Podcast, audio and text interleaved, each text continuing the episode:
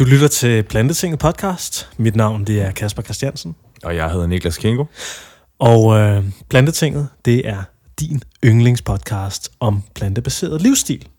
Niklas, i dag, der skal vi snakke om en masse spændende ting. Og vi har også nogle ting, vi gerne vil annoncere, inden vi kommer helt i gang med dagens podcast. Ja, sikkert. Det bliver lidt af sådan en medley podcast. Skal vi starte med at annoncere nogle ting?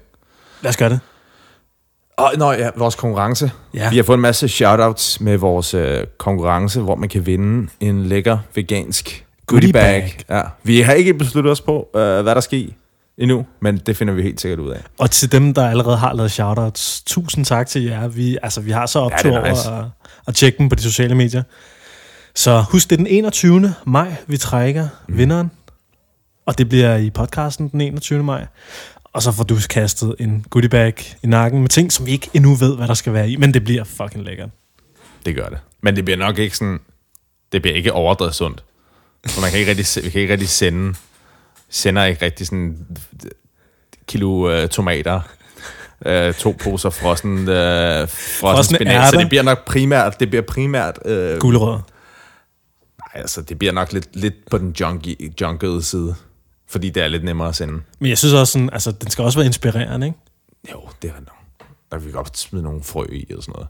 Men vi kan ikke smide bananer i og æbler, og så kommer man til at veje 20 kilo. Nå, men jeg har ikke noget imod at- sende en pakke med 20 kilo. Nå, men så okay. Men så, Altså så er sådan, lidt, sådan lidt blandet bolsje, ikke? Ja, jo. Tænker jeg. Helt sikkert. Lad os gøre det. Lad os gøre det. Og øh, vi vil også lige annoncere, at vi har fået en øh, helt ny feature i Plantetinget. Mm. Niklas, hvad er det? Jamen, vi, vi skulle starte en brevkasse, for vi får, vi får øh, nu er der så får vi spørgsmål og forslag og alt sådan noget på vores Facebook-side. Mm. Og så tænkte vi, hvorfor ikke bare øh, bruge det? Ja. Så øh, Så det, Så- du skal gøre, det er, at du skal skrive en besked, en privat besked, eller hvad man vil kalde det, ind til os, inde på Plantetinget, inde på Facebook. Skriv nogle spørgsmål. Øh, skriv noget, du gerne vil have vendt i programmet, eller noget, du undrer dig over. Det må være altså hvad som helst private spørgsmål til enten dig, Niklas, eller mig, Kasper. Det kan også være, øh, ja, du bare sidder og undrer dig over et eller andet, du synes er virkelig mærkeligt øh, ved den plantebaserede livsstil, som du gerne lige vil have, have vendt lidt. mm. Så hold dig endelig ikke tilbage med at, skrive ind til eller, os. ja, eller, eller forslag til, til, hvad vi kan tale om, altså nogle afsnit. Ja. Forslag til noget content, vi kan lave. Ja. Så Plantetingets brevkasse er nu åben, og øh, vi glæder os til at læse jeres spændende spørgsmål, og måske bliver dit spørgsmål vendt i Plantetingets brevkasse. Helt sikkert. Skal vi, uh, skal vi gå i gang? Skal vi, skal vi gå i gang med, med dagens, med? dagens show, Niklas? Yes. Jamen, øh, vi har jo enormt store planer for øh, dagens program. øh, fordi der var en ting, jeg gerne ville snakke om, Ja. som jeg synes kunne være rigtig, rigtig interessant. Vi har haft det en lille smule op at vende i et af vores tidligere programmer, blandt andet med Niklas Tønnesen. Hvad var det, afsnit 6 eller sådan noget? Ja. Oh, apropos, vi har nu, vi er jo jubilæum. Sidste afsnit havde vi lavet afsnit nummer 10. Ja, Kæft, det går stærkt, det her. det går stærkt. Det er fedt. Det er vildt. Nå, men bag til, tilbage til den røde tråd. Øhm, det var nemlig, vi diskuterede, jamen, hvordan er det, lad os nu sige, Niklas, du er jo, du spiser plantebaseret, du er, du lever vegansk. Det vil sige, dit liv går ud på ikke at skade dyr, at passe godt på miljøet, og at spise sådan relativt sundt, kan man sige. Lad os nu sige, og det fortalte du mig faktisk, det havde du gjort, at du har et arbejde, der ligesom går imod din etiske, øh, hvad kan man sige, ja, din etiske praksis. Altså for eksempel med Niklas Tonnesen, der snakkede vi om, at han var vegetar i den periode, hvor han arbejdede hos slagteriet Danish Crown. Mm. Og hvordan, øh, altså, hvad, hvad er sådan din holdning til det, og hvor, hvordan skal man navigere i en verden, der ikke er vegansk, hvis man selv er veganer, og gerne vil tjene penge på at lave noget, der ikke er vegansk? Altså, umiddelbart, så synes jeg ikke... Øh... Altså, der er jo så mange faktorer, der spiller ind. Altså, man kan sige, hvis du bor i København, så er det måske nemt at finde et job. Men lad os sige, du bor... Øh, nu ved jeg for eksempel Niklas, han er fra, fra Herning. Og hvis han bor ude i forstederne til en, en by, der ikke er herrestor, altså, du kan ikke bare øh, gå og vælge og vrage arbejde. Det kan man lidt nemmere her i København. Jeg kan huske, da jeg gik på skuespillerskolen, der var jeg bartender på mm. øh, et sted, der hedder Warpigs, inde i Kødbyen.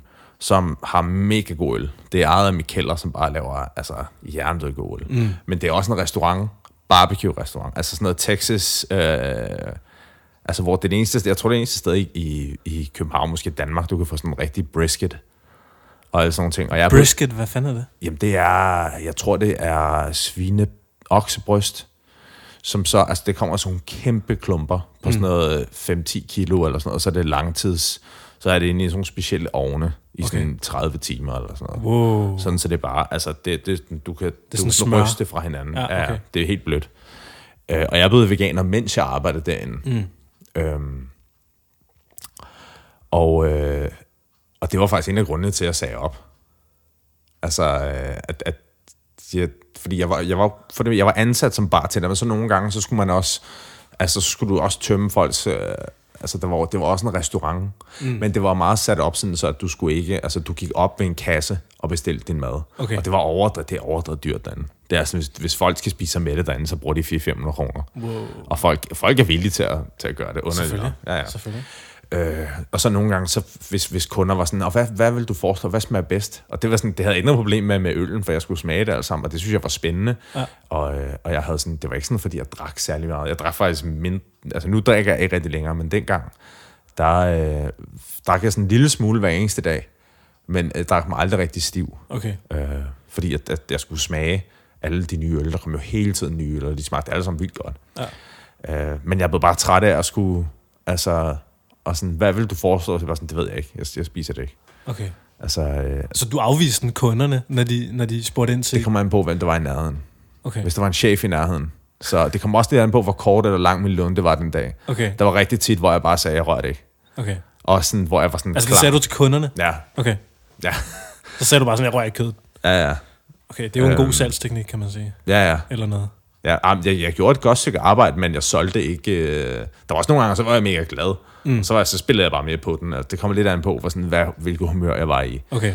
Øhm, men jo, jeg, jeg sagde så op, men det er jo også, altså, bor i København, mm. der er så meget, altså, jeg ved ikke, om der er meget arbejde, men det har aldrig været et problem for mig at tjene penge i København. Okay.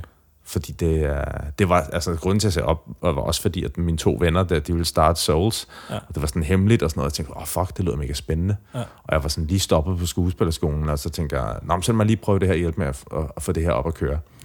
Og, øhm, og så kan man sige, så var, så var det jo, altså helt vildt, det var en vegansk restaurant, kan man Mm. sige. I starten, der, hvad hedder det, så var der så også kød på menuen. Okay. Men det var ikke noget, vi solgte. Det var fordi, det sådan, altså hvis du starter en restaurant, og du ikke... Øh, de to af mine kammerater, der startede, de var ikke veganere til at starte med. Men sådan var begyndt at sådan åbne, øh, blive åbnet op for ideen. Okay. Og sådan, jeg tror, at altså, det må være stressende at, at starte en restaurant, og så, og så bare skulle stole på, at folk ville komme, når det hele var vegansk. Om jeg Så- tænker også, altså, jeg, jeg synes virkelig, at folk, altså lad mig, hvis, hvis de her restauranter eller caféer eller whatever, der er vegansk, mm. de slår op på de sociale medier og sådan noget, så synes jeg virkelig sådan, altså den veganske mafia, sagt i gåsøjne, de, sådan, de, de er sådan rimelig gode til at støtte op, synes jeg. Og sådan rimelig gode til sådan at dele på sociale medier. Hey, der er ja. Sgu vegansk restaurant, der er åbnet her, ikke? Ja, helt sikkert. Og ja, det- hvis og de det er jo får også en det- vegansk option på, øh, på menuen. Ja, bestemt. Men nej, jeg synes ikke, jeg synes ikke, at folk, jeg synes ikke, hvis man er veganer, at man skal have det dårligt med, at man, øh, at man, fordi hvis ikke du er der, så er der nogle andre, der er der. Og du gør ikke en forskel ved ikke at have det job. Og som, som Niklas sagde, at sådan, han arbejdede hos Danish Crown og brugte pengene på noget helt andet. Det var sådan, hvad var det, han sagde? Han, han, han tog penge langsomt ud af organisationen. Ja, ja. Altså forhåbentlig så tjent, hvis, altså set fra en virksomhedsperspektiv, så tjener en, en ansat dem flere penge, end de koster dem. ja. Så det, man kan ikke rigtig bruge det argu- argument. det kan man Men stadig, jeg synes ikke, det er noget, man skal stresse over. Specielt, hvis ikke man bor et sted, hvor, altså, hvor man ikke bare kan vælge at vrage et, et job, og måske har du ikke, måske har man ikke nogen færdigheder, hvor det Kan man, bare ikke sådan, bare, kan man ikke bare flytte til København? Altså? Kan man ikke bare det? Det er jo ikke alle, der har lyst til det. Nej. Det er jo ikke alle, der gider det. Okay. Men nej, det synes jeg sgu egentlig ikke, at man skal... Jeg har jo også, altså... Dengang, da jeg gik runway shows og sådan noget, der havde jeg jo bare vold mange dyr på. Altså helt vildt. Jeg havde på uh, et af de allerførste shows, jeg lavede for, for Louis Vuitton, der havde jeg sådan noget... Der havde jeg, jeg havde kamel og kenguru, og jeg havde i hvert fald fem forskellige dyr på. Samtidig? Ja, Wow. jeg havde alle mulige. Der var, øh, altså, der var så mange forskellige dyr i det show. Og du var dig- veganer på det tidspunkt? Nej, nej, det var Okay. lang tid før. Okay. Det var lang tid før. Jeg spiste ikke rigtig noget kød, men, men jeg spiste rigtig meget græsyoghurt. Okay, det, det er sådan, altså, jeg har også arbejdet for McDonald's engang. ja, det skulle jeg lige til at spørge om. Din, uh, men men det var jo, der var du ikke veganer endnu, var du det? Nej, nej, der havde jeg absolut ikke skænket det en tanke. Nej. Men jeg synes godt nok, det var sådan lidt, øh, lidt klamt. Altså at stå der i køkkenet og indånde de der dampe fra frityrgryderne og Ja. stå og stege øh, kød og... Ja, Har du haft andre jobs, der var, øh, der var så at sige kontra-veganske på en eller anden måde? Altså jeg har arbejdet i et supermarked i Irma, hvor du selvfølgelig også langer forskellige... Øh, Mm. øh, animalske fødevarer over disken, ikke? Men man kan Ja. ja. sige, der er du ikke ligesom på samme måde, som da du var bartender og tjener, og du skulle sælge kød. Ja, ja. Altså der, der, folk de betjener jo sig selv, ikke? og de langer det bare på disken, så på den måde, så havde jeg ikke nogen rolle i at, hvad kan man sige, guide folks køb på samme måde. Så jeg ser ikke det at arbejde i et supermarked som et kontra-vegansk job. Nej. Men altså noget som arbejde i, hvad kan man sige, restaurations- eller madlavningsbranchen, altså hvor du givetvis kommer til at stå og, og skære i, i døde dyr, og kommer til at skulle servere og anbefale øh, kødretter mm. til folk, som du ved er uetisk, og som du ved øh, potentielt kan være usundt og dårligt for miljøet. Mm. Øh, jeg ved i hvert fald, at min kæreste, hun arbejdede også for en café. Hun blev, og, og hun arbejdede der også længe, efter hun var veganer. Mm. Men hun vidste godt, og hun synes også, at det var ubehageligt. Mm. Fordi øh, for det første, så stod hun i de her frityredampe, og for det andet, så synes hun ikke, det var så lækkert at skære flæskesteg sandwich hele tiden. ja. Ja. Hun, hun skulle sådan hele tiden lave flæskesteg sandwich, ikke? Jo. Og det øh, at stå og skære i øh, ja, flæskesteg. Mm. Og det, er sådan, det, det, det brød hun sig ikke om til sidst. Man Nej. kan sige, det var bare for, for at tjene pengene, ikke? Men, øh, men hun følte jo også til sidst, at øh, nu, nu ved hun nok bedre selv, end jeg gør, men jeg tror i hvert fald, hun følte til sidst, at det ikke sådan helt hang sammen, det der med at have et job, hvor man skar i kød og tilberedte kød, når man ikke Mm. selv spiste det. Nej. Øh, så der, der kunne jeg mærke på hende, der var, der var sådan lidt en indre konflikt der, ikke? Mm. Øhm, så tror jeg også mange, der du ved, spiser på den her måde, også har det, når, når de står og har et job. Men altså, jeg tror også, man, man sådan må, altså jeg tror folk selv godt kan afveje, hvad, hvad der er det rigtige. Mm. Altså, jeg skal ikke sidde her og, og sige, om det der det er rigtigt, og det der det er forkert. Altså, jeg Mm. tror, folk er super fornuftige selv nok til ligesom at kunne afveje, jamen, øh, nu spiser jeg sådan her, og, og det, nu har jeg gjort det, jeg kan. Mm. Jeg kan jo ikke vente på, at hele verden bliver begynder at spise sådan her, eller bliver veganer, eller begynder at tænke på dyrene og miljøet. Mm.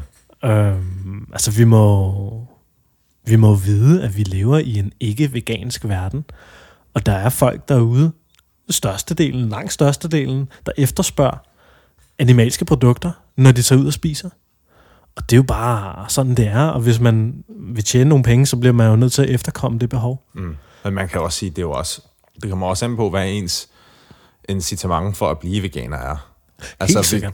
Vi, vi var blevet begge to på grund af miljøet. Ja. Og man kan sige, om du så æder det på dit arbejde, det gør jo ikke nogen forskel. Altså, hvis du, hvis, hvis du, ikke, gør, hvis du ikke er blevet veganer på grund af etiske eller sundhedsmæssige årsager, så gør du ikke nogen, så er det ikke nogen forskel. Mm, nej, det kan man... Altså, hvis du ikke selv har købt kødet, tænker du? Eller Ja, ja, præcis. Altså, hvis man Du spiser kød. Ja, Så hvis du, hvis så, du siger, det du siger, det er, hvis, hvis du sidder ude på din arbejdsplads og får tilbudt kød, du ikke selv har købt, så, så, så vil der ikke være noget problem i det for dig at spise det, fordi du har taget den beslutning på baggrund kun af et miljømæssigt argument. Ja, jeg kendte en, der gjorde det. Okay. Altså, nu har jeg ikke gjort det, men jeg kan huske, der var en, en britisk gut der på den bar, super fed fyr, som øh, bare gik altså, mega meget op i miljøet. Mm. Øh, han fløj ikke. Okay. Så når han skulle hjem til England og sådan noget, så var det øh, færge og cykel. og så, jamen, han er sådan en, øh, jeg ser ham, sådan, følger ham på Instagram og sådan cykler, cykler rundt op i Norge og Wow. cykler rundt alle mulige steder, bare mega langt. Boss. Øh, ja, ja. Og han, så, så han flyver ikke på grund af miljømæssige årsager. Og så spurgte mm. jeg, jamen, du spiser jo kød. Altså, det er jo meget værre for miljøet, end at, end at flyve. Det er mm. noget, du gør hver eneste dag. Så jamen, jeg, jeg køber det ikke. Okay. Altså, det er kun fordi, det er gratis her. Okay. Så og det er jo egentlig rigtigt nok. Ja. Fordi han var ikke veganer. Nej. Men han, altså, han støttede heller ikke øh, kødindustrien finansielt på nogen måde. Ja. Så det var jo en, altså, det var en, en god pointe. Han, Men kan man så ikke sige, at han så er stadig ikke med til sådan at, at, at mætte en eller anden form for efterspørgsel? Lad os sige, at chefen for det firma der finder ud af, åh, oh, men alle mine medarbejdere, de elsker det her kød her. Så nu bliver jeg bare nødt til at købe kød næste gang, så der er gratis kød til mine medarbejdere næste gang. Er han så ikke med til ligesom at feede en eller anden form for efterspørgsel der alligevel? Det tror jeg kommer sådan lidt an på, hvilken type arbejdsplads det er. Okay. Det her var sådan et sted, hvor der aldrig, altså der var hjernedødt meget mad. Okay, Det blev aldrig spist op. okay. Det var, og så var der sådan, for eksempel, hvis man fik, altså på mange, på mange sådan restauranter og caféer og sådan noget, så bliver der jo lavet specifikt, hvis det er en stor arbejdsplads, så bliver der jo lavet øh, frokost, som så står ude til folk, der arbejder der. Du må faktisk ikke spise det, der bliver solgt. Ah. Det er der på sådan større steder. Hvis, ikke, hvis du arbejder på sådan en café eller sådan noget, okay. så, så spiser man gerne. Øh, altså for eksempel, da jeg arbejdede på Souls, der, der spiste vi det, der var. Mm. Altså, og så nogle gange blev der lavet et eller andet, noget grineren, et eller andet. Okay. Det er ikke så tit. Okay. Men så spiste vi altså det, der, øh, det, der var i caféen. Ikke? Okay. Men det her sted, der blev der lavet, fordi det er sådan et sted, hvor de måler deres øh, tab og sådan noget, hvis du arbejder i store, øh, store steder. Og der er det endnu værre i udlandet. Altså, husk, jeg var bare tænder i Sydney en gang, og der skulle vi måle, når du havde skummet det, på din øl. Hvis der var for meget mm. skum, og det skulle tages væk, så skulle vi skulle tømme den spand i løbet af aftenen, så skulle der måles for mange liter. Altså, så er det sådan noget, åh, der er spildt 3,5 liter øl i løbet af aftenen. Mm. Så det er en fortjeneste på øh, 32 dollar, der er spildt, eller et eller andet dumt. Men er det, er det ikke også fint nok ligesom at holde styr på madspild? Altså, det er jo også dårligt for miljøet, ikke? Madspild, det er jo et problem. Jo, men det er jo ikke, altså, øh, hvad skal man sige, øh, restauranter gør det ikke på grund af miljøet. De gør det af penge, 100%. Men for, øh, hvad fanden var det, vi talte om? Ja, hvor kom Nå fra? ja, det var, jeg, jeg har det som om, jeg, jeg røg en tangent lige der. Nej, men det, det synes jeg ikke, du gjorde, fordi det var det Nå der ja, med... det der bliver lavet, altså der bliver lavet et måltid. ja. Øh, Du snakker om så- ham fyren, der cyklede Ja, ja, ja. ja. Norge, ikke? Når, når, når, når medarbejderne fik lov til at æde det kød, som, altså så var det sådan lidt, det her, det, skal, det, det må vi ikke sælge i dag. Mm. Ved det. Det er ikke for gammelt, men det, altså, eller der er for meget, eller Okay. et eller andet. Ja, okay. Så, sådan, så fik folk lov til at æde det. Ja. Eller, eller det, det ser ikke ud, som det skal. Det skal se ud på en specifik måde, eller sådan noget. Mm. Den er lidt for tør, eller lidt for... De gik meget op i det. Ja, Altså, okay. sådan, det hele skulle være...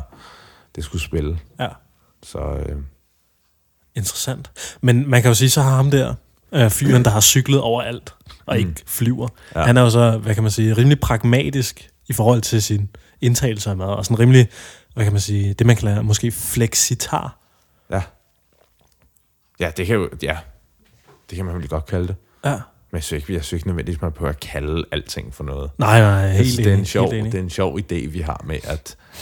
at øh, Kategorisere ting, ja, ikke? det kan vi godt lide. labels på alting. Altså, det synes jeg er underligt. Det kan vi skide godt lide, Niklas, fordi så, så det er nemmere at forstå ting, når vi kan sætte det i en kasse. Ja. Jeg tror, det er en af grundene til, at fodbold er så populært. Altså, der er sådan, Elaborate. han, han er det her fan.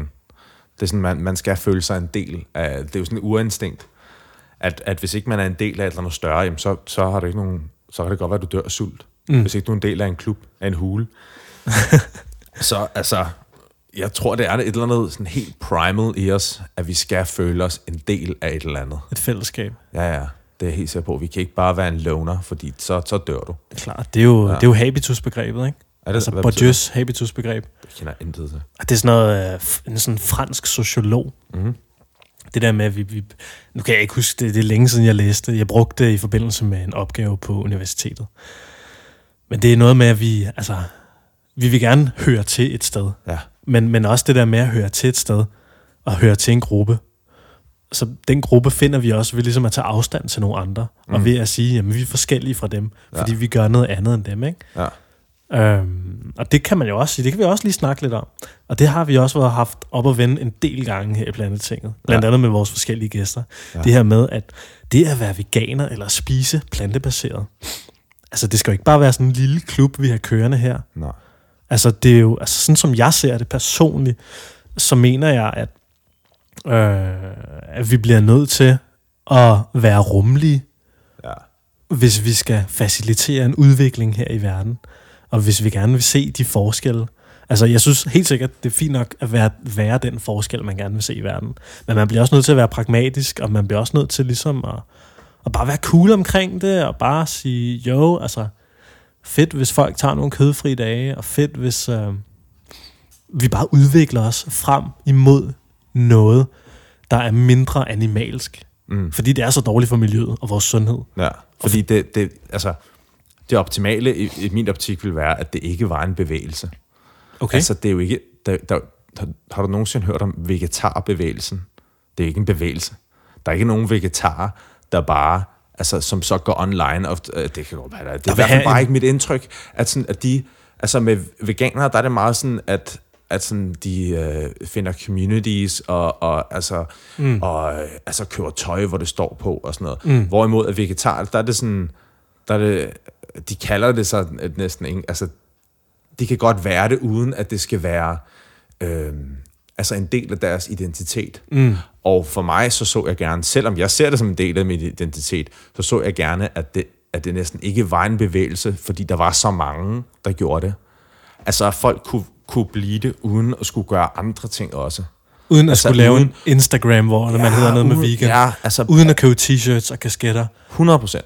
Uden 100%. at, at skrive det på Facebook i sin profiltekst. Eller Ja, whatever, uden at have et, et, et uden at gøre et label. Ja, hvor det. folk bare var det, og så ikke, og, altså, og det var bare sådan, det var. Ja. Og det var altså næsten ikke engang værd at tale om. Ja. Ligesom at folk, der spiser, hvad så at sige, normalt, der spiser ja. alting. Jamen, det, er jo- de det er jo ikke der, ikke? det. Altså det der med, når noget bliver normativt eller normalt. Ja. Og altså, jeg, jeg håber og tror også på, at, at det at spise plantebaseret og vegansk, det går hen og bliver normalt. Det går, går hen og bliver normativt, men så snart, altså vi er stadig, folk bliver sgu stadig kaldt ekstreme. Folk bliver sgu stadig ekskluderet fra sociale arrangementer, eller føler sig måske altså ekskluderet, mm. fordi de spiser, som de gør, så anderledes. Ikke? Mm. Og på den måde, så kan jeg jo godt forstå, at hvis man går og føler sig udenfor på baggrund af de madvalg, man tager, så er det da også fedt at måske have sin egen lille klub, ikke? Eller hvad? Jo, altså, øh, jo. Det ved jeg ikke, jeg har sådan lidt svært at relatere til. øh, Jeg har, jeg, jeg har aldrig følt det behov for at, at, at, at, at, at ligesom være en del af noget.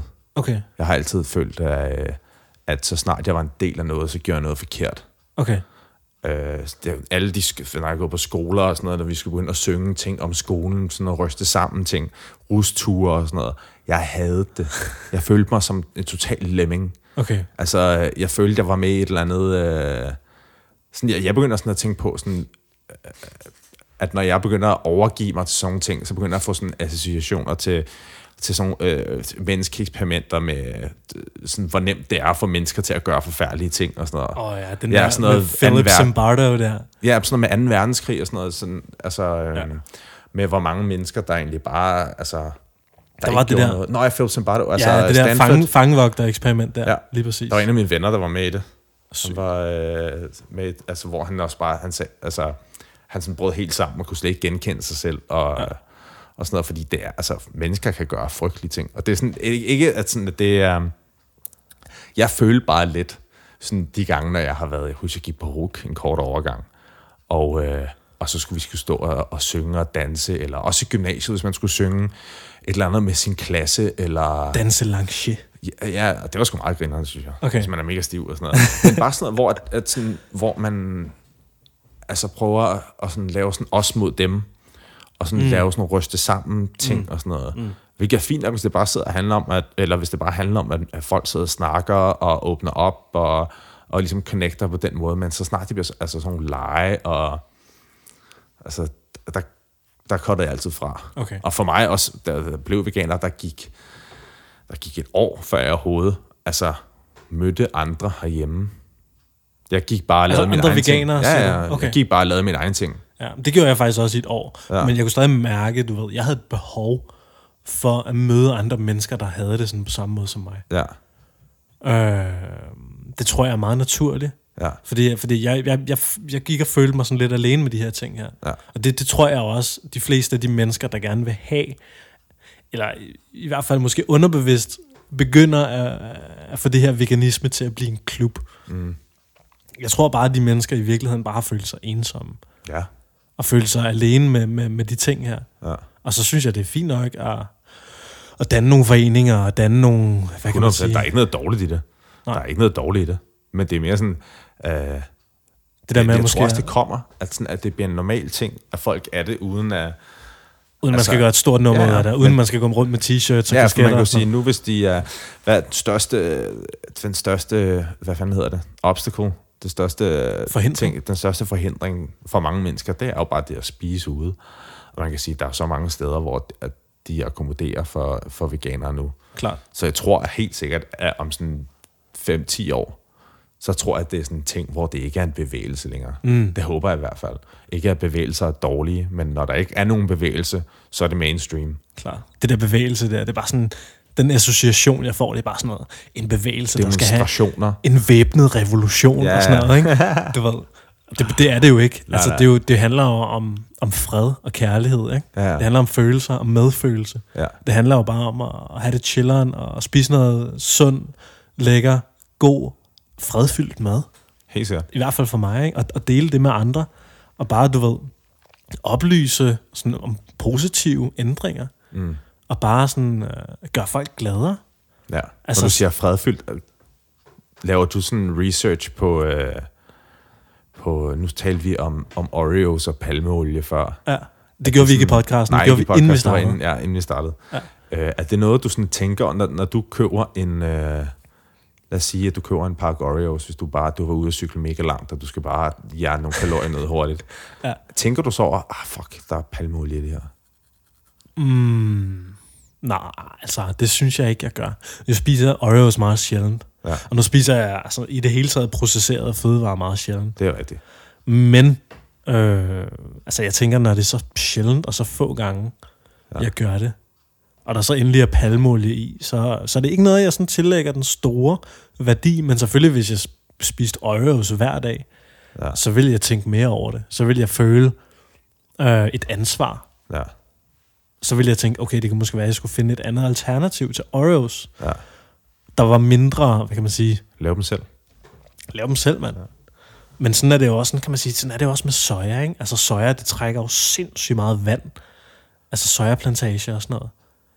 Det, jeg ved ikke, øh, nu ved jeg kun med palmeolie, måske skulle vi lige forklare Sådan er det, det med palmeolie. Altså, hvis folk ikke har se, uh, set, hvad hedder den, Before the Flood? Before the Flood, den med Leo, Okay. Leonardo DiCaprios uh, miljøfilm. Har du set den nu? Jeg har set den, ja. Ja. Noget af den. Den, uh, den, er faktisk, den er faktisk rigtig god. Ja. Um, og der er meget om palmeolie, og jeg vidste egentlig ikke rigtig noget om det før.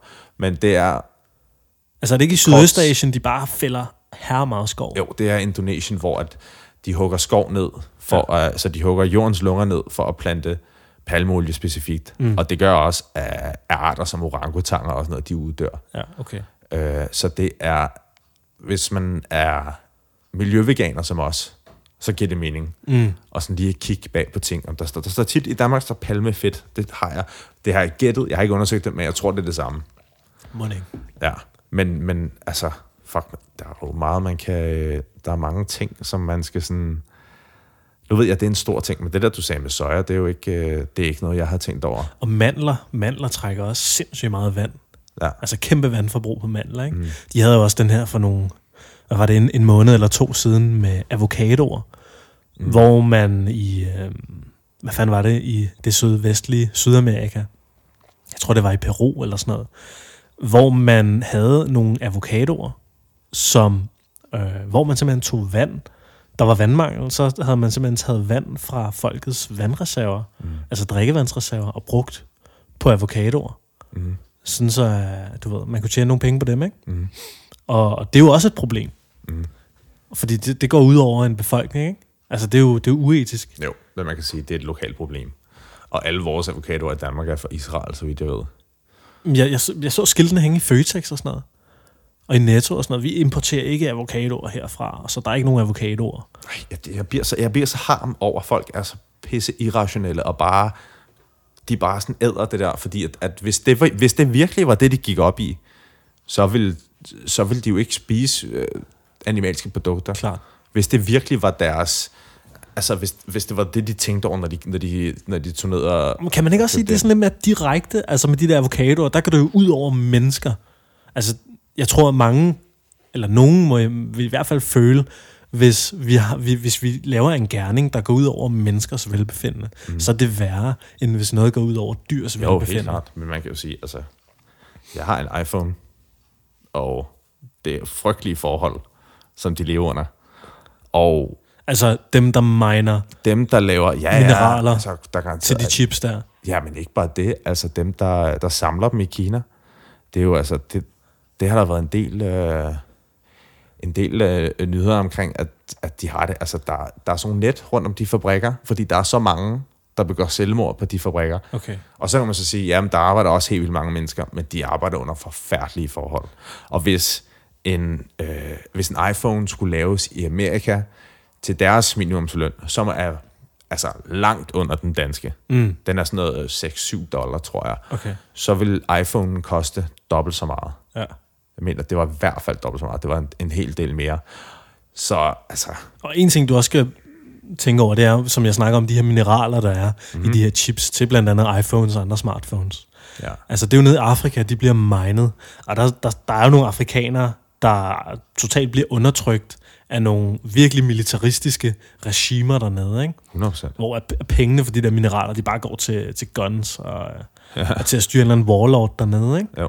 Så man kan sige, altså Apple og de andre smartphone companies, de har sgu ikke lige gjort deres CSR super godt. Hvad siger så?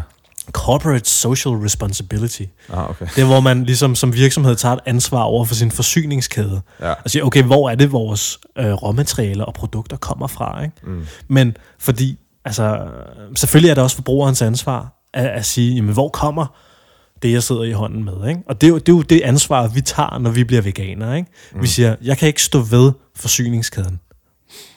Men så kan man sige, hvor CSR det så er, hvor virksomheder begynder at tage ansvar for deres forsyningskæder. For eksempel når Føtex og Netto, de hænger et skilt op og siger, vi importerer ikke avocadoer fra Peru, Ja. fordi de, de fucker deres befolkning på baggrund ja. af de her avocadoer. Ikke? Jo.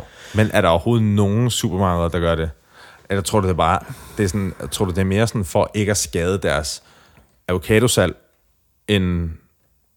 Altså mit indtryk er, at de gør det mere for ikke at skade deres avocadosal, end for at øh, slå ud Please. i mængden, fordi at, Ja. at alle de avocadoer, jeg har set på, der står Israel i Danmark. Ja. Der står altid Israel. Ja. Det, der, er noget, Eller Sydafrika. der er noget, man kalder for bluewashing.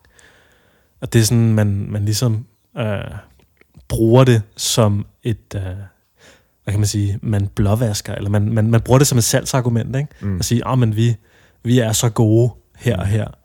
Så ja, altså det, øh, det går ud og bliver, bliver et problem, ikke? når man begynder at markedsføre sig øh, på baggrund af noget, hvor man i virkeligheden kunne tage et, et større ansvar og sige, hey, mm. det, øh, så kan man, vi skulle lade være med, så skal vi skrive i, i, i montren nede i øh, Netto, sådan, hey, den her gris her, den har øh, levet i en stald i 1 gange 1 meter, og blevet fodret med godt med antibiotika, og masser af, af sojakager, og masser af... Så ikke, det lyder mega nice. Ja, ja, men det, er, det tror jeg sgu ikke, det er. Nej. Men det er bare sådan, altså, hvor er vi henne, ikke? Jeg, jeg tænker bare sådan, altså, er det virksomhedens ansvar, eller er det, er det forbrugerens ansvar? Uh, det er svært. Det er jo sådan lidt, hvad kom først, hønen eller ægget? Det er sådan Ja. hønen, eller, hønen eller ægget spørgsmål. Altså, vi, øh. vi som forbrugere, vi mægtiggør jo os selv, Niklas. Ja. Altså, vi vil jo gerne tage et ansvar, ikke? Ja. Vi, vi, vi, vi har sagt sådan, ved du hvad, virksomhederne og sådan noget, de, de sejler deres egen sø. Fuck dem. Ja. Vi tager vores eget ansvar. Ja. Nu, nu, nu sætter vi os selv ind i tingene. Vi uddanner os selv Ja. og tager vores forbrugsmæssige valg på den baggrund. I stedet for, at der sidder nogle virksomheder og laver CSR og pisser lort. Ja. Fuck det pis. Ja. Og det, det er jo vi så heldige, at vi, vi er overskudsagtige nok til at kunne gøre det. Ikke? Ja. Men man kan sige, for de fleste mennesker, der har en stresset hverdag og har travlt, jamen de bliver jo nødt til at stole på, hvad virksomhederne de siger. Dem, der ikke har overskud til at uddanne sig selv i de forbrugsvalg, de tager. Mm. Dem, der bare ser penge på øh, DR1, og, og jeg skal give dig skære. Det er et program, eller hvad? Ja, jeg ved ikke, det er sådan et forbrugsprogram. Jeg ser ikke så meget tv, men øh, det er det, jeg går ud fra, er sådan der, hvor at den, de fleste forbrugere, de får deres øh, viden fra. De får deres infos. infos. Ikke for at Ja. snakke dårligt om uh, DR1 eller deres programmer, men uh, Nej, nej, nej, nej. Nej, nej, nej, nej. public service. Man skal bare lige forstå, at uh, Vi der, er, der er altså også nogle penge bag det, ikke? 100%. Der er en grund til, at de bliver ved med at lave X-Factor. En af grundene til, at jeg nægter at betale licens. Det er altså opium for folket, det der X-Factor. Jeg synes, det, jeg synes, det burde være, øh, synes, det burde være forbudt. Jeg synes ikke, at, at du kan kræve licens af befolkningen, og så lave sådan noget skrald. der bare gør folk dummere. Det, gør under, mig så- det jo gør mig så arg. Men jeg, jeg, hvis, så, kan- jamen, så, så, må, så skal de ikke have licens. De vil lave underholdning. Jeg synes, der burde være regler for, at de måtte ikke lave andet end øh, informative programmer. Det burde være lov. Ja. Hvis de vil, hvis de vil kræve licens, så, så synes jeg ikke, de må lave... Øh, Ellers så, så måtte de lave en kanal, hvor de kun sendte underholdningsprogrammer. Og så kunne man så sige, okay, så er der brugerbetaling på det. Mm. Og så resten, det er bare public service, hvor vi laver nogle super salige, informative public service programmer, dokumentarer og ting. ja, Nyhederne og penge og hvad fanden det ellers hedder. penge. Ja. Jo. Jo. Skal vi, Skal vi, vi, vi skal vi, klipper nok det her ud også. Nej, det, det synes jeg ikke. Skal, skal vi ikke danse videre? Vi havde noget... Du vil rigtig gerne snakke om øh, vores forhold til mad. Ja, og sådan, jamen, jeg tænkte, vi skulle øh, lige ramme sådan, ja, folks forhold til mad og spiseforstyrrelser, ortoreksi og sådan noget. Mm. Øh, jeg tror for rigtig mange, der... Jeg føler Nu, nu spørger jeg lige, inden, inden, inden du går i gang. Ja, Inden du tænder for, øh, for vandfaldet der. Rand Machine. Så øh, kunne jeg godt lige tænke mig at høre, hvad, hvad sådan, når, når du siger ortoreksi og spiseforstyrrelse, hvad er sådan definitionen af det for dig? Øh, det, jamen, det er to forskellige... Eller man kan sige, at ortoreksi hører vel ind under spiseforstyrrelse. Okay, hvad er en Men spiseforstyrrelse? Det er, når folk... Altså, at mad begynder at fylde så meget i deres liv, og sådan specifikke madvalg, at det sådan tager over. Tager over Og det, er bare, sådan, jamen, det bare fylder. Altså, jeg ved ikke hvad, specifikt, hvad definitionen er. Vi talte om det med Niklas Tonnesen. Ja. At det er sådan, at man, at man må kun spise det her op på det her tidspunkt, og alle sådan nogle ting, hvor man bliver helt vildt pragmatisk om, om alle sine, øh, om alle sine madvalg. Øh, men mere ud fra sådan et sundhedsperspektiv. Eller i hvert fald, hvad man selv synes er sundt. Mm. Øh, Ved du hvad, jeg slår lige øh, ortoreksi op på ja. Google, og lad os se, god idé. hvad Landsforeningen mod spiseforstyrrelser og selvskader skriver omkring ortoreksi. Mm. Jo. Mennesker, der lider af ortoreksi, har et overdrevet fokus på sundhed, og det at spise sundt. Som det også ses ved anoreksi, bulimi og tvangsoverspisning, er maden hos mennesker, der lider af autoreksi, en så stor besættelse, at det hindrer dem i at føre en normal hverdag. Men hvor der ved andre spiseforstyrrelser er fokus på mængden af mad, er der ved autoreksi fokus på madens kvalitet. Mm. Mennesker, der lider af autoreksi, har ikke nødvendigvis et ønske om at tabe sig, men er besatte af at ville leve og spise sundt. Ofte resulterer dette i, at de danner sig deres eget billede af, hvad der er sundt, går på diæter og opsætter en lang række af regler og ritualer for, hvad de må og ikke må spise. Diæten og reglerne er ikke nødvendigvis sunde, set ud fra et objektivt perspektiv. Der kan fx være tale om regler for, hvilken farve eller type af råvarer man må spise. Nå. For nogle mennesker, oh, den her, den er vigtig. Mm. For nogle mennesker, der lider af ortoreksi, ender det med, at de må medbringe egen mad til sociale sammenkomster. Da, da de ikke tør spise måltider tilberedt af andre. Og i sidste ende kan besættelsen af den sunde mad medføre, at de isolerer sig socialt. Ja, der, det er måske nærmere sådan fitnessfolk, hvor de skal tælle alle deres macros hele tiden. Det kan også være for en veganer, der måske tager vegansk mad med til et socialt arrangement. Ja, ja. Man kan sige, den er også, jeg synes, den beskrivelse er sådan lidt. Fordi så hvis du er, lad os sige, hvis du som, som Niklas, øh, lige nu er han vel et par uger fra sit, øh, Ja, tre- 21 dage, tror jeg, han er ude Ja, fra han- sit ja. bodybuilding show der. så, så han skal måle og tælle alting. Ja. Så synes jeg ikke, at man kan sige, at det er en, altså, det er ortoreksi. Hvorfor ikke? Fordi det er jo, altså, det er jo, Er det, er det sport? jamen, det er jo et, ja, det vil jeg sige, det var sport. Okay. Altså, det var, det var, altså, nu tjener han jo ikke nogen penge på det. Mm. Øh, lige pt i hvert fald. Så, altså, fordi så ville det jo være et job. Og man kan sige, at dengang, at, øh, dengang, at jeg var model, og det var, det var sådan, at jeg, altså, Så det er en hobby? ja, der var det jo, der var det jo mit job at holde visse mål. Okay. Og det var, det var meget unaturligt for mig. Ja. Og jeg var kæmpe stor før det. Øh, så det var meget unaturligt for mig. Så, så det var jo altså en del af mit job, Aha. At jeg skulle øh, spise visse ting. Det gjorde jeg ikke. Jeg spiste bare, hvad der var på Okay. job så, øh, og, og sådan noget. Mm. Altså, øh, men så, altså, det er jo ens job, kan man sige. Men det er vel... Men jeg ved ikke, hvor stor en ting det er, det der med ortoreksi. Det ved jeg heller ikke. Jeg synes ikke rigtig, jeg kender... Øh, Nej. Så lad os snakke lidt om spiseforstyrrelser i stedet. Det kender vi jo måske noget til, ja, Niklas. helt klart. Jo. Jeg skal fortælle.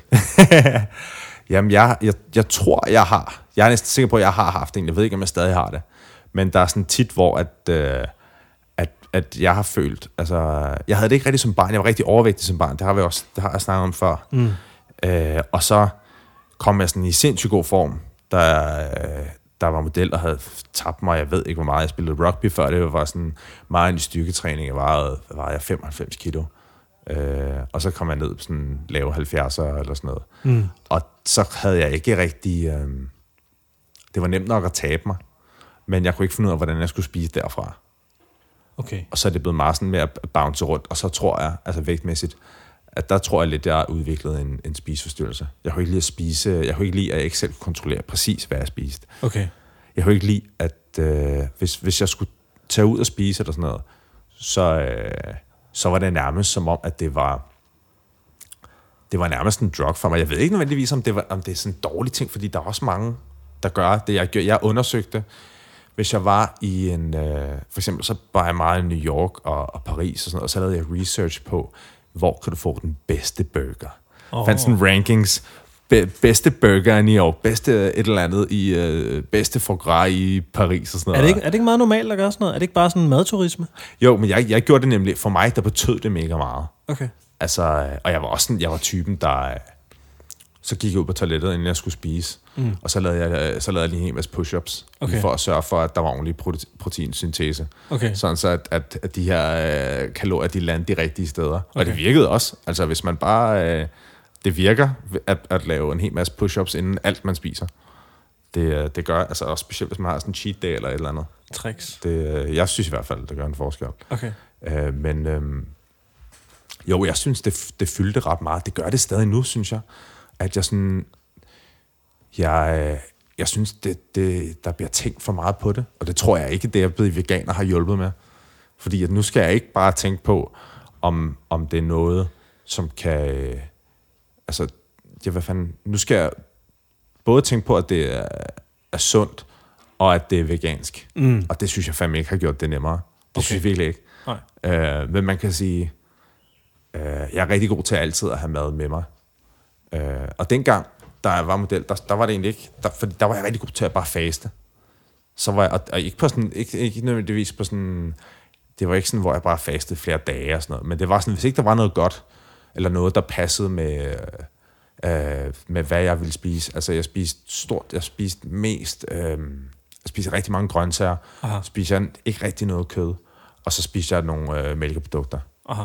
Øhm, men hvis ikke der var noget, som der ligesom passede ind i mine, hvad for nogle ting, jeg gerne ville putte i min krop, jamen så, så spiste jeg bare ikke. Okay. Og så spiste jeg bare senere. Okay. Og det synes jeg, at, at nu synes jeg, at, at jeg er nødt til at have mad med mig hele tiden. Mm. Fordi jeg, fucking, jeg, jeg, jeg føler lidt ikke, jeg ved ikke, om jeg kan sukkerkold, men øh, jeg kan ikke længere bare sådan sige til mig selv, du, kan bare, du spiser bare senere, du spiser bare mere senere, du skipper bare frokost, Okay. og spiser du bare noget mere senere. Aha. Nu er det bare sådan, nu synes jeg, der bliver, øh, jeg sådan tager værre beslutninger tiere. Okay. At sådan, øh, Altså værre beslutninger i forhold til de regler, du tidligere har sat op for dig selv. ja, Okay. ja, Men, men det er jo, hvad kan man sige, i en ren spiseforstyrrelse sammenhæng, sammenhæng mm. så er det jo meget fint, at du ikke går så meget op i de regler længere. Eller hvad? ja, Altså, det, det er sådan, jeg forstår det. Det der med, at man ligesom har en masse regler, man sætter op for sig selv. ja. Øhm, og så ligesom ikke kan fungere, hvis ikke man følger de regler. Mm. Så det er jo meget fint. Eller hvad? Ja, men man kan jo sige, altså, jeg tror også, jeg tror mange af os er nødt til at sætte de her regler op, fordi at i, des, i, i, i sådan den verden, vi lever i, der er bare så meget sådan Mad? hypersmag, sådan hyperpalatable. Altså, det smager af for meget, og for mange mennesker, der, er sådan, der får du sådan en drug. Altså, det er... 100 procent. At du bliver... Altså, jeg spiser ikke ting som sådan Oreos og sådan nogle ting. Fordi det hyperstimulerer dig. Det er alt for stimulerende. Jeg synes, det er så spændende at begynde at snakke om sådan noget der. Ja. Sådan med hyperstimulation. Og ikke for at hijack din, din tråd der. Ja, ja. Men det, Det er- bare sådan, det fascinerer mig så meget, at vi sådan... Og, og det tror jeg også, ikke, ikke, vi skal nok vende tilbage til det med spiseforstyrrelser. Mm. Men jeg synes, det er interessant det der med, vi snakkede også om det i et andet afsnit, det her med, at vi har folk i laboratorier, der sidder og, og optimerer mad, mm. så det er bare sådan for din, uh, din serotonin- og dopaminniveau til bare fyre endnu kraftigere, uh, end hvad det ellers havde gjort. Ja. Og man kan sige, på den måde, når vi begynder at vende os til at stimulere os med nogle fødevarer, der giver nogle så kraftige respons i vores hjerner mm. og på vores tunge, jamen, så kan jeg da godt forstå, at folk ikke har lyst til at spise, hvad kan man sige, hele, normale, naturlige plantefødevarer, ikke? fordi mm. folk bliver fucking afhængige af de her processerede fødevarer, der er blevet optimeret mm. til at, at give dig de der Ja, men jeg tror for nogle Respons. mennesker kan det også, fordi for mig, dadler har den samme effekt som Oreos. Okay. Fuldsk- altså, jeg kan bare mærke, altså, selvfølgelig er det ikke det samme på min krop, Mm. men inde i hovedet, at når jeg har spist en eller to dadler, så det eneste, jeg kan tænke på, det er, at nu skal den her, resten af den her dag skal handle om at spise, og bare have det nice og spise mega mange dadler. Ja, okay. Og det, Hvorfor er det, det et problem? Altså, jeg, det er, jamen for mig, jeg, jeg kan altså bare, du siger, du får hjertebanken. jeg får sygt hjertebank. Okay. Altså, jeg hjerner dadlerne. Jeg Jamen, elsker dadlerne. Men du cykler også, i dag cykler du 70 km, ikke? Jo, jo. Jo, det er jo ikke alle. Altså, Nej, nej, øh, okay. Man skal tænke over det. Altså, du spiser jo heller ikke... Du spiser rigtig mange kartofler, men ikke så mange grøntsager og sådan noget, ikke? Jo, ja, det er rigtigt nok. Jeg, jeg er ikke så Ja. god til at spise grøntsager. Nej, men det er jo det er sådan... Og det Mere passer... frugt. Det, ja, men det er jo også det, du skal. Fordi hvis du... Du vil jo... Altså, du ville blive en pind, hvis ja. du spiste altså et, to kilo grøntsager om dagen. Du ja. ville slet ikke få nok kalorier. Jeg går efter kalorietæthed. Ja, ja. Så du, du er nødt til at ligesom at økonomisere med pladsen i din mave. 100 procent. og sådan at sige, okay, hvis jeg ikke skal tabe for meget, så er jeg nødt til bare kun at jern kartofler ned. Mm. Øh, eller dadler ned. Mm. Endnu bedre. Ja. Øh, fordi hvis, altså, hvis du begynder at spise for mange grøntsager, så taber du dig for meget, så har du ikke energi til at gøre de ting, du skal gøre. Klart. Men for mange mennesker, er, er de, de er jo ikke særlig aktive. Mm. Og så... Og så spiser, altså, så spiser de, spiser de ting som, altså kartofler er fine, fordi de holder en med i rigtig lang tid. Der er faktisk studier, der har vist, at per kalorie, der er kartoffel den fødevare, der holder dig længst mæt. Er det ikke bønner? Eller er Det det, er er det kartofler. kartofler? Hvide kartofler Wow. er, øh, er per, per 100 kalorier det, der holder dig kørende længst. Ja, jeg, jeg kan også virkelig sådan, du ved, efter man har spist en fad kartofler der, ikke? Mm. Det er bare sådan knytnæve lige i maven, ikke? Så kan man bare ligge nede bagefter. Ja, Og så er man bare mæt forever. Det synes jeg er fucking nice. ja. Altså, du får det, du får det rart. Jeg får det så godt af at spise det, kartofler. det er en, Elsker det er en rar kartofler. fornemmelse. Ja, Altså, jeg spiser flere kilo kartofler flere gange om ugen. Ja. Elsker det, elsker det, elsker det. det er også godt. Det er Det er- billigt det er og lokalt. Og det er jo faktisk en god ting, hvis man går op i sådan, alting skal være sådan lokalt. Mm. Så kan man sige, i Danmark, så er det kartofler og gulerødder, tror jeg. Gør ud fra, så det er det, man skal hjerne. Kartofler, guldrødder, havregryn, Ja. grønkål. Øh, ja, og når vi kommer længere hen på sæsonen. Øh, æbler. Mhm. Blommer. Mhm.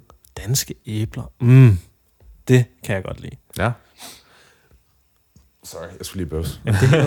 Lad os, lige, øh, lad os lige få den lidt tilbage til det der med, med, med spiseforstyrrelser. og Sådan. Ja. Jeg, jeg synes personligt, at spiseforstyrrelser er meget øh, interessante. Jeg tror ikke selv, jeg har lidt af nogen. Ja. Øhm, jeg kan huske, min ekskæreste, hun, øh, hun, havde, hun led også af en forfærdelig spiseforstyrrelse. Vi var ude på sådan et behandlingscenter sammen og sådan noget. Wow. Ja, noget, der hedder Stolpegården ude i Gentofte, hvis du kender det. Shit. Er det noget, du har lyst til at fortælle mere om? Eller er det, Ja, men det kan vi godt snakke om. Ja, Øhm, fordi jeg, det lyder ret interessant. det var ret interessant. Ja. Øh, det var jo sådan noget med, det var jo, altså der havde de jo psykologer på, og, og terapisamtaler, og så skulle de gå i terapi. Øh, en til to gange om ugen, tror jeg det var. Jeg husker det ikke helt præcist. Øhm, jo, og, og det var også noget med, så, så havde de også de pårørende med til sådan nogle aftener, ikke? Så skulle vi sidde og snakke om det, og, og sådan noget. Og det var meget, sådan, meget fint, og det, det, det, jeg kan huske, det var, at sådan rent psykologisk, så arbejdede man med at eksternalisere spiseforstyrrelsen. Og så det vil sige, at, vi, at en, at en spiseforstyrret skulle sige, nu, nu kommer den der ting igen, og vil styre mig. Nu kommer den der ting udefra, og vil styre mig mm. igen. Og vil overtage min, mit handlingsrum. Mm. Og den, den skal vi holde væk. Ikke? Vi skal holde djævlen væk. Mm. Øh, det synes jeg var meget interessant. Øh, måde at se det på. Var det sådan, var det, er sådan folk, der kommer der, er det sådan folk, der kaster op? Og, Ja, ja. ja. Altså, det gjorde min ekskæreste der, ikke? Ja. Uh, hun led af bulimi. Ikke for at hænge hende ud eller noget, men det gjorde hun. Nej. Uh, og der er andre, der havde anoreksi og overspisning og sådan noget. Ikke? Ja. Og det var sådan noget med, så, så kom de på sådan nogle planer. Jeg kan huske min ekskæreste, hun fik sådan en, en, en bog, hvor hun skulle skrive ned alt, hvad hun spiste. Mm. Og for tit hun kastede op og sådan noget, ikke? Og det var bare sådan, altså, det, det fungerede ikke så godt for hende. Altså, hun, hun havde ikke lyst til at skrive i den. Nej. Uh, så det var en ret hård periode for hende der, tror jeg. Men uh, jo, og, og det er jo... Altså, de, altså, hvis de skal arbejde med sig selv og arbejde på uh, mod en bedring, så bliver man jo nødt til ligesom at give de her folk, der skal behandle dem noget at arbejde med, ikke? og det er derfor, de skal skrive dagbog og sådan noget, og så kan de sidde og snakke ud for det. Mm. Øhm, ja. Så det var meget interessant. Men jeg kan huske, jeg, jeg synes, det var interessant, den der måde, man sådan rent psykologisk skulle eksternalisere den her spiseforstyrrelse. Fordi, Vil det At- sige at sådan, se det fra et tredje, sådan ovenfra? ja, det kan man sige. Det kan man sige. Ja. Øh, fordi, nu kan jeg ikke helt præcis huske det, men det var noget med, jeg tror, at i, øh, i, når, man, når, når, når du snakker stofmisbrug og misbrug, så handler det om at internalisere det. Og sige, jamen jeg er alkoholiker, for eksempel. Ikke? Mm. Anonym alkoholiker. Ikke? Selvom du ikke drikker længere, så, øh, så siger du, hej, jeg hedder Kasper, jeg er alkoholiker, ikke? Mm. selvom du ikke drikker. Mm. Sådan er det jo til, til AA-møder. Ja. Jeg har aldrig været til det, men det, jeg ved, det er sådan, det foregår, ja. tror jeg. At det er sådan, djævlen er der altid. Djævlen er der altid. Ja. Djævlen er en del af dig. Du det er, en djævlen. sygdom. Men, men sådan er det ikke, når du er spiseforstyrret. Ja. Så, så er djævlen ikke en del af dig. Nej. Og det synes jeg bare er, er meget interessant. Og det, det synes jeg er, er en meget interessant måde sådan, uh, at se, hvordan man rent psykologisk arbejder med forskellige diagnoser på forskellige måder rent psykologisk. Mm. Men det, det, det, det undrer jeg mig bare over. Det synes jeg var meget interessant. Ja. Øhm, men ja, det var en, øh, en meget interessant periode, og selvfølgelig også hård periode. Mm. Øh, og spiseforstyrrelser er ikke særlig sjov. Nej. Overhovedet. Altså, det, det fucker folks liv. Ja. Jeg tror ikke, jeg, jeg var aldrig nogensinde, eller er, fordi jeg, jeg synes stadig, at jeg slås med det nogle gange. Mm. Øhm, men jeg har aldrig været, det var aldrig, jeg har aldrig nogensinde kastet op. Okay. Kun for sjov. Det har været sådan nogle udfordringer med venner, sådan venner, der har taget på Pakistans All You Can Eat. Og så var sådan, fuck, det var klart, det var klart det her. Lad os lige se, hvem af os, der kan brække os hurtigt. Og sådan noget. Hvor det var sådan, det grineren. Okay. Og så da jeg husker, vi gjorde det, var han en kammerat, og sådan, at, at han, var, han var bare sygt god til at brække sig på kommando. Han var bare the champion, når vi, var, når vi drak og sådan noget. Det var sådan, Wow. da vi var 20 år eller sådan noget. Ja. Og, øh, og jeg var mega dårlig til det, så jeg sprang bare alle mine blodkar i hele ansigtet. Så jeg havde Åh, bare sådan shit. sprængt det blodkar over alt, efter vi havde gjort det der. Det var mega dumt. Wow. Men det var bare sådan noget, altså bare sådan noget fis. Men øh, for mig, med, øh, med hensyn til spiseforstyrrelser, så var det egentlig først noget, der sådan kom efter, at jeg havde, at jeg havde sådan de, efter jeg blev 20, der synes jeg, at rigtig mange ting i mit liv var meget mindre stimulerende, end, var, end de var før. At der var rigtig mange ting, der lige pludselig var kedeligt. Ja. Altså, øh, og jeg tror helt sikkert, det har noget at gøre med, den, altså, da jeg startede som model, og jeg bare altså, skulle lave alle de her vilde ting, alle de her vilde shows i løbet af en måned, hvor hele mit liv bare er blevet vendt på hovedet, og du bare bliver udsat for alt det her stimuli. Klar. Sådan helt vildt meget stimuli i forhold til før. Klar. Og så var sådan, øh, og jeg, jeg slås stadig med det nu, at det er sådan, at jeg kan bare ikke sidde og bare lave en ting, og bare glemme om andre ting, og bare kun lave den ting. Jeg Okay. gør det lige nu. Okay. Altså, jeg tænker ikke, mens jeg taler med dig lige nu. Mm. Og det er jo sådan en mindfulness-ting. Aha. At nu sidder vi to og snakker. Ja. Og øh, hvis jeg for eksempel sidder derhjemme, og øh, jeg kunne godt lide at spille Playstation og, og spille musik og sådan noget, da jeg var yngre. Men nu, så er det, eller efter jeg blev sådan 20 år, og sådan, det har været en del år nu, så er det svært bare at være i det. Og sådan, så tænker du på andre ting, der er stimulerende, og mad er stimulerende. Det, er- det, det, hvis du godt kan lide mad, så er det jo, altså, så er det stimulerende. Ja. Og det, det er som om, at det, det kunne også være alkohol. Altså det er også en af grundene Klar. til, at, at, at jeg er sådan lidt... Jeg, jeg siger ikke, at jeg ikke drikker, men jeg har ikke i sinde, sinde at drikke lige nu. Jeg Jeg kunne har- godt prøve at gøre det til sommer på et eller andet tidspunkt, Okay. okay. men det er sådan som om, at, at når jeg drikker, så er det sådan om, så handler det om, så nu drikker vi. Ja, okay. Nu drikker vi, at vi skal være fulde. Og så er det også, sådan er det også lidt, når man, øh, når man, når jeg æder, synes jeg, så synes jeg tit, så, bare sådan, så det, det, sådan, det fylder for meget inde i mit hoved. Okay. Og det, en anden ting er også, at for mig i hvert fald, der går så lang tid, fra jeg spiste måltid til jeg er mæt. Mm. Altså det signal der. For Okay. eksempel lige, da vi spiste jo lidt, en- jeg havde taget noget selleri med nogle æbler, og så havde du nogle nice uh, leftover kartofler der. Efter vi havde uh, spist det, så, uh, så var jeg stadig mega sulten. Okay. Fra, præcis det samme sted, som jeg var, før jeg havde spist det. Aha. Jeg var præcis lige så sulten. Okay. Uh, og nu er jeg mæt. Ah, Og det er sådan tre kvarter siden. Det er tre kvarter siden, og det, det har været et kæmpe problem for mig. Ja. At jeg sådan hele tiden skal... Altså, jeg kan huske, da jeg var yngre, øh, der bællede jeg bare vand. Mm. Før og efter et måltid, så ville jeg drikke en liter vand. Ja. Før og så efter. Øh, For at fylde maven op. jamen også bare for at distrahere mig selv. Okay. Fordi at, at der går så lang tid. Det var super frustrerende, at, at det er det stadig, at når jeg æder et eller andet, så, øh, så går der vidderligt en halv time, inden, jeg, inden at, at jeg overhovedet kan mærke, at jeg er mæt. Og okay. det gør også rigtig tit, at hvis jeg, bare sådan, hvis jeg fuldstændig har glemt om det, så lige pludselig opdager jeg bare, wow, jeg er alt for mæt. Og så kan jeg ikke gøre de ting, jeg vil gøre. Nej. Så er jeg bare sådan, så er jeg nødt til at ligge og så tage en fucking lur. Ja. Og det er super også irriterende frustrerende. hele tiden at skulle være opmærksom på det. Ja. Og jeg tror for nogle mennesker, der, der har det, at det der signal, der går fra, øh, Fra maven fra, til fra maven op der. til hjernen, at det bare Det går lidt det langsomt. går super langsomt. Ja. Jeg, kan, jeg kan ikke huske, hvornår jeg er blevet mæt. Altså, bortset fra, når man tager på buffet. Fordi når jeg tager buffet, så, har jeg bare sådan, så spiser jeg bare kun grøntsager, og så bliver det sådan lidt konkurrence for, meget jeg kan få for mine penge. Kan du ikke bare spise lidt langsommere, Niklas? Jo, at have stopur eller sådan noget, det kunne, jo, det kunne godt være, at jeg skulle ind og tænke over det. Lave noget mindful eating. Helt sikkert, og det er, også, det er jo ikke noget, jeg tænker over. Det er først noget, jeg tænker over nu, hvor jeg taler om det. Mm. Så jeg tror, det er rigtig sundt at mm. tale om sådan nogle her ting. Ja. Øh, og ligesom distrahere sig selv. Og jeg tror også, det er derfor, at da jeg begyndte at tage snus, så tabte jeg mig 15 kilo. Super nemt. Okay. Fordi så var det sådan, sådan når jeg spiste hver om en tallerken, tog lige en snus. Ja. Og så tabte jeg 15 kilo i løbet af sådan tre måneder. Jeg vil gerne lige tilbage øh, til det der med, øh, jeg synes, det var meget interessant, du var på et meget interessant spor tidligere. Det der med at skulle stimulere sig selv. Ja, Altså det der med, da du kom i 20'erne, så stoppede du med sådan at føle, og sådan, at du blev ikke stimuleret af de, de forhold og de ting. Mm. Du, blev, du begyndte at kede dig enormt hurtigt. ja, Sådan, det problem har jeg også haft, siden jeg var 15 år. ja. Det var sådan, al, altså jeg, jeg kunne ikke fastholde koncentration på noget som helst, fordi jeg mistede fokus sindssygt hurtigt. Mm. Altså jeg, jeg, jeg begyndte at dødkede mig. Jeg synes, at et eller andet var sindssygt spændende, og så nørdede jeg bare sindssygt meget sådan et par uger eller et par måneder, og så droppede jeg ud, og så mm. droppede jeg det, ikke? Og så, så finder Ah, man det er noget også, nyt. Det er mig. Det er så meget ja. mig, det der. Og ved du hvad jeg lærte? Jeg har, jeg har lært rigtig, rigtig meget af det undervejs. Ja. Det der, fordi det handler om at blive stimuleret, fandt jeg ud af. Så da jeg var sådan 2-23 år, jeg snakkede faktisk også om det i min allerførste podcast, mm.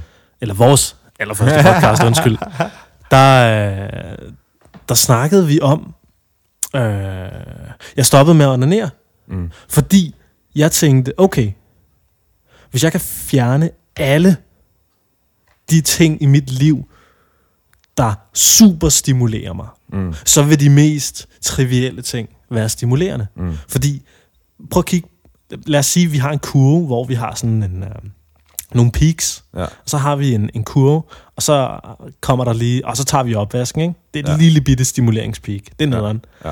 Og så, og så, så, så onanerer jeg, ikke? Så er det bare sådan en kæmpe peak, ikke? Mm. Og man kan sige, at den der lille opvask der, stimuleringspeaket mm. af opvasken er meget, meget, meget lille i forhold til orgasmen. Mm. Øh, og så, så, så kysser man med sin kæreste, ikke? Og det er også rimelig vildt, ikke? Mm. Og så, øh, det ved jeg ikke, så køber man et, øh, noget nyt tøj, ikke? Og det er sådan, åh, det er også sådan totalt vildt. Mm. Og, så, og så, så ryger man en joint, ikke? Åh, det er også totalt vildt. Så man får alle de her sådan totalt intense stimuli Mm. hele tiden, som man sådan drugger sig selv med, ikke? Men så tænkte jeg, okay, hvad hvis jeg kan stoppe med alle de her stimuli her? Hvordan kan, altså hvad, øhm, hvordan bliver de trivielle ting i mit liv? Hvad, hvad sker der så med dem? Bliver de så vildere? Mm. Så det, jeg eksperimenterede med, det var, jeg stoppede med at onanere, jeg stoppede med at indtage alkohol, jeg stoppede med at ryge has, jeg stoppede med at øhm, ja, se porno, jeg stoppede med at øh, spise processeret fødevarer. Du ved, alle superstimuli, dem fjernede jeg fra mit liv. Mm. Og så, øh, og så var det sådan, så begyndte der at ske nogle helt fantastiske ting. Altså så, øh, sådan, jeg tror allerede et par dage efter, så, så, så hørte jeg til noget musik. Det var sådan Daft Punk. Mm. Og så, og det er, sådan, det, er virkelig, det er virkelig fjollet. Men så, så, så begyndte jeg at græde.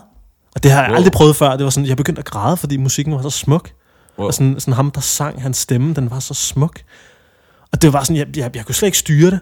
Det, det er sådan, jeg, jeg, jeg, jeg tydbrølede bare. Ja. Jeg, jeg, jeg græd bare, fordi det var så smukt. Mm.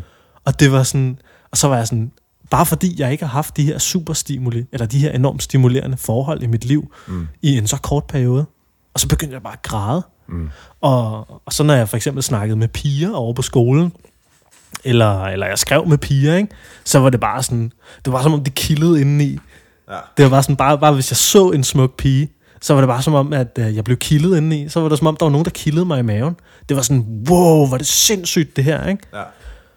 Og, øh, og så fandt, og, og det, det fik mig ligesom til at indse, at mange af de her superstimuli, vi har i vores liv, de, de er ligesom med til at undertrykke de her fuldstændig trivielle ting, vi fuldstændig overser. Mm. Og det har bare været med til at øge min livskvalitet så meget mere. Ja. Det der med at stoppe med at onanere.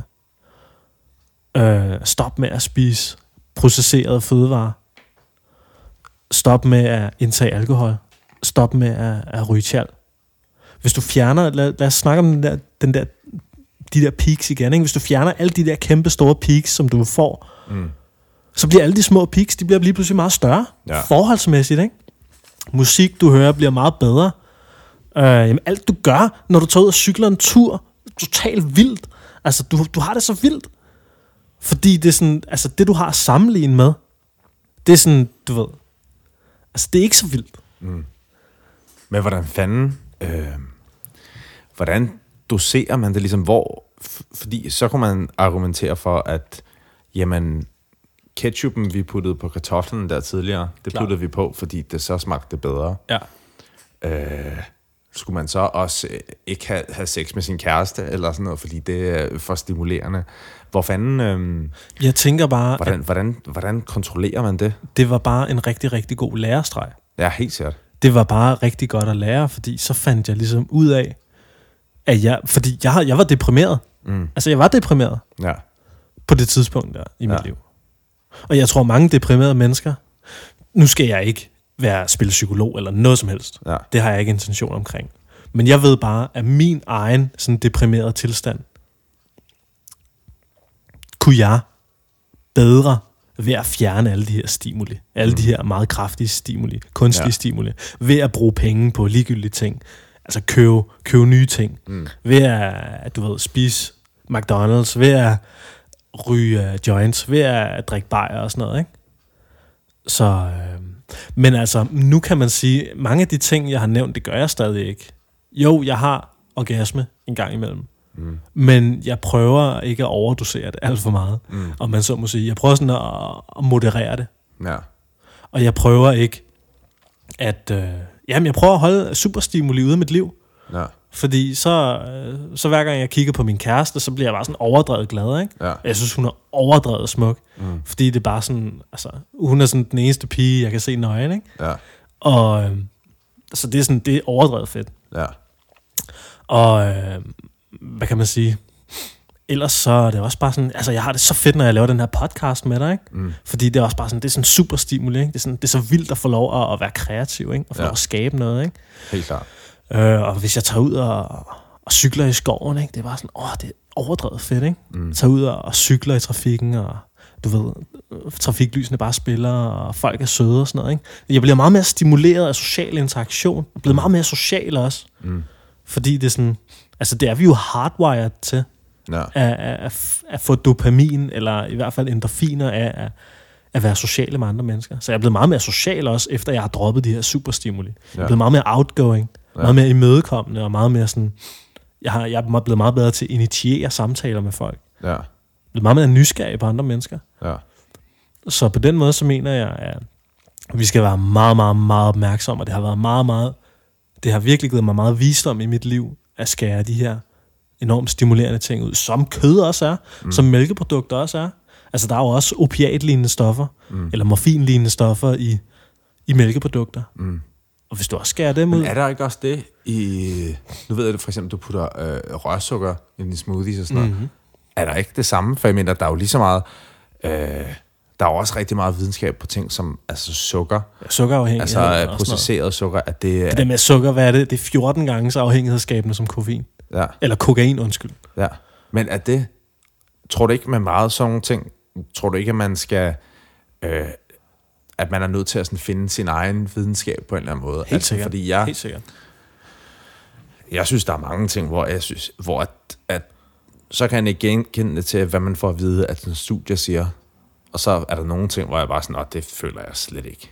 Altså, Klart, det, selvfølgelig. Det, det, sådan har jeg det slet ikke på mig selv. Folk er jo forskellige, ikke? Jo. Altså man kan sige, videnskaben prøver jo for det meste at skabe en eller anden form for generalisering om verden, ikke? Ja. Og nogle generaliserbare sandheder. Og man kan jo sige, at de her generaliserbare sandheder, altså is- især i sådan videnskab omkring mad og mennesket og biologi, altså det er bare ikke altid generaliserbart, Nej, som du selv siger. nej. Så Vi er jo alle sammen forskellige. det er vi nemlig. det er også derfor, at, at for eksempel, at, at jeg har det sådan, når jeg, når jeg hører sådan din historie, og, og da vi havde Kasper Bilton inde og sådan noget, hvordan at, sådan, at da I blev veganere, så var alt bare sådan helt anderledes. Ja. Og for mig, der var der, var der ikke rigtig noget. Altså, øh, men jeg, altså, jeg drak heller ikke sygt meget, og jeg spiste vold mange grøntsager inden. Mm. Jeg spiste latterligt mange grøntsager. Mm. Så for mig var der ikke, altså, der var ikke den store forskel. Nej. Der var ikke, men, og jeg tror også bare, jeg var en af dem, der bare håndterede mælkeprodukter ret godt. Den tredjedel af befolkningen, for hvem det ikke er, øh, altså, der ikke er, er laktoseintolerante. Du har sådan nogle gode ariske gener, altså lyst Ja. hår og blå øjne, ikke? Ja, for mig, der var ikke rigtig den store forskel. Nej. Øh, nok så jeg var mange- altid sådan, kommer det, altså, hvornår, hvornår sker det der?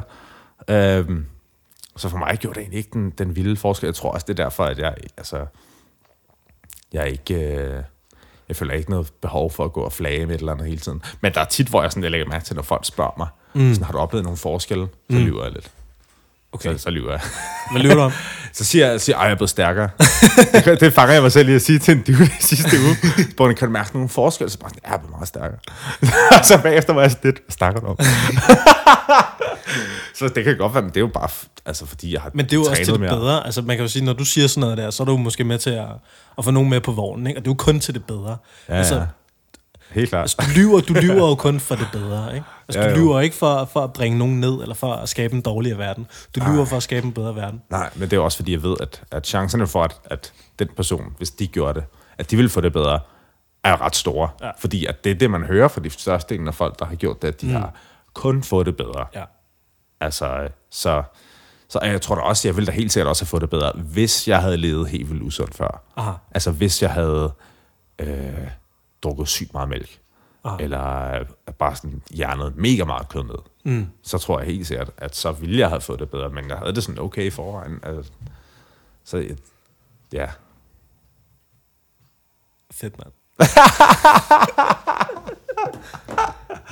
er vi ved at være i mål med dagens podcast? tror jeg synes, det var fucking svedigt. Jeg kunne godt lide, at det blev så deep. Det havde jeg ikke regnet med. Fik mig til at tænke på, at jeg faktisk at jeg, sådan, jeg, det sidste halvandet år, der har jeg, sådan, der har jeg slet ikke mediteret. Og det var noget, jeg gjorde meget før i tiden. Ja. Det var sådan, jeg skulle have mine 10 minutter, hvor at jeg faktisk ikke rigtig, selvom jeg, jeg tror ikke, at, at jeg sådan decideret mediterede, Ja. men det var bare som om, jeg kategoris, kategoriserede ret mange ting inde i min hjerne, og ligesom ryddede op. Ja, det gør man virkelig, når man. Ja. mediterer. Og, og, det, og det, det var lidt som om, at jeg efter, når jeg havde gjort det, selvom jeg bare tænkte på alle mulige ting, mm. så havde jeg lidt den energi, jeg har, når jeg vågner.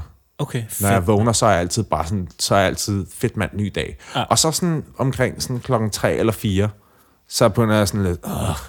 Okay. så det er sådan, der bliver, jeg, bliver sådan, jeg er en helt anden person om morgenen, end jeg er om aftenen. Mm. Der gider jeg ikke rigtig noget som helst. Mm.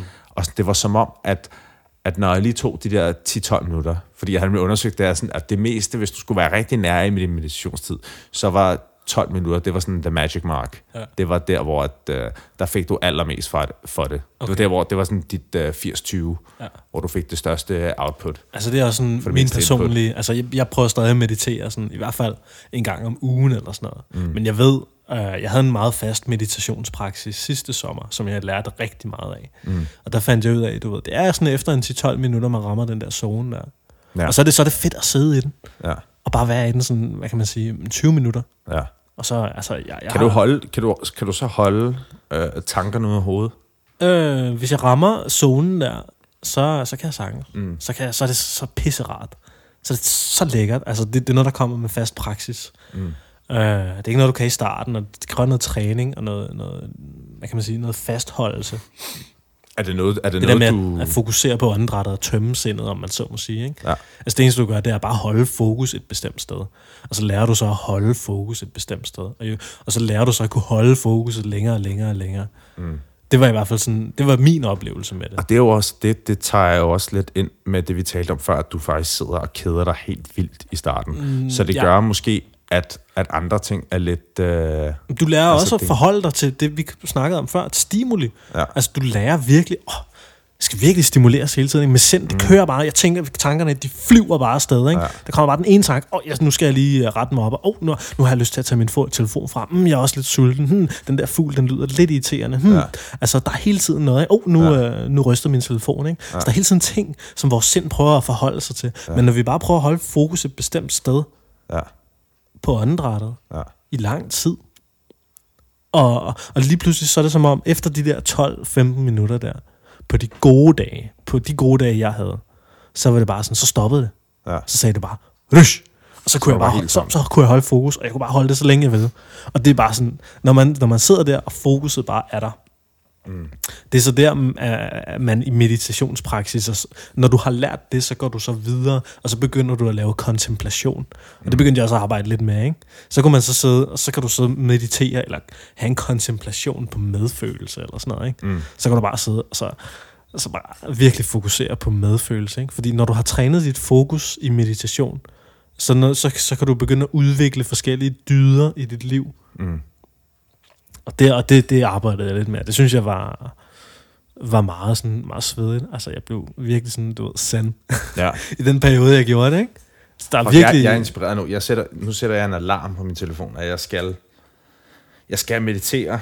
det er meget, Klokken, ja, meget, meget, Jeg skal- meget kraftfuld praksis. ja. Altså, det er virkelig... Jeg tager action lige nu, live, mand.